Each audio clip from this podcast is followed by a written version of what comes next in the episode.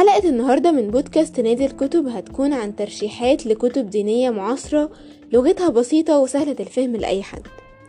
بس كالعادة قبل ما نبتدي أنا نورة وأحب أقولك أهلا بيك في نادي الكتب. أول كتاب هتكلم عنه هو لا تحزن للدكتور عائد القرني. الكتاب ده حسب تصنيف الكاتب يقع تحت فئة علم النفس الإسلامي. والكتاب مزج ما بين أفكار كتيرة وردت في علم النفس ومجال التنمية الذاتية مع أحاديث النبي عليه الصلاة والسلام ومواقف من سيرته وآيات من القرآن الكريم. لا تحزن عبارة عن تشكيلة ممتعة جدا من كل المجالات اللي ذكرتها دي. وبرضو لا تحزن من الكتب اللي تخليك تبص للدنيا بنظرة مختلفة وبفلسفة أكثر بساطة. تاني كتاب معانا هو فاتتني صلاة. الكتاب ده مفيد جدا لأي حد مش منتظم في الصلاة أو حتى ما بيصليش خالص.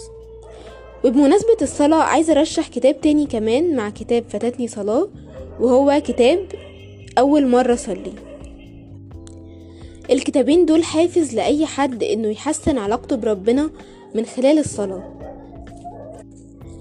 وكمان إنه يعرف جوانب مختلفة عن الصلاة أو حتى يسمع قصص أول مرة يسمعها عن الصلاة وفضلها. لأن المعرفة بتشكل جزء كبير قوي من الإرادة. والإنسان زي ما محتاج إنه يكون عنده إرادة عشان يعمل أي شيء محتاج كمان معرفة عشان تقوي إرادته. وده بينطبق على أي حاجة ومن ضمنها العبادات. من وجهة نظري. تالت كتاب هتكلم عنه هو رقائق القرآن. رقائق القرآن كتاب حوالي 150 صفحة والحقيقة أنا خلصته في يوم واحد بس بسبب محتواه اللي أعجبت بيه جدا. وهو عبارة عن مجموعة خواطر متعلقة بفكرة أو موضوع زي النفاق مثلا أو الموت. الحقيقة الكتاب ده أنا طلعت بيه بأفكار مهمة جدا غيرت نظرتي عن الموت وعن الوقت واستغلاله فيما يفيد وعن تدبر القرآن. عشان كده أرشحه لكم بشدة. رابع كتاب اسمه الخلق والوجود لسميحة إبراهيم مسعود. الكتاب ده للأسف مش مشهور قوي بس هو عامة أنا كنت جايباه من منفذ الهيئة العامة للكتاب. وأنا خلصته من كذا شهر الحقيقة بس أنا فاكرة إني كنت معجبة جدا بشموليته وتناوله المواضيع زي الملايكة والجن والجنة والنار والقدر وحاجات كتير جدا في القرآن والسنة.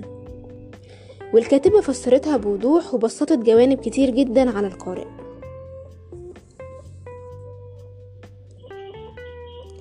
خامس كتاب هو خلفاء الرسول لعمرو خالد.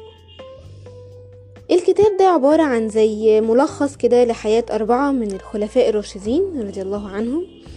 اتكلم عن حياة كل صحابي من الأربعة قبل إسلامهم وبعد ما أسلموا ومواقفهم مع الرسول عليه الصلاة والسلام وفترة خلافتهم.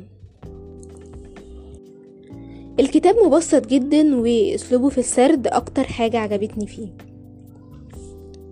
بس كده لحد هنا أنا خلصت الحلقة. ما تنسوش تتابعوا قناة نادي الكتب على اليوتيوب وتتابعوني على جودريتس لو حابين تعرفوا بقرأ إيه.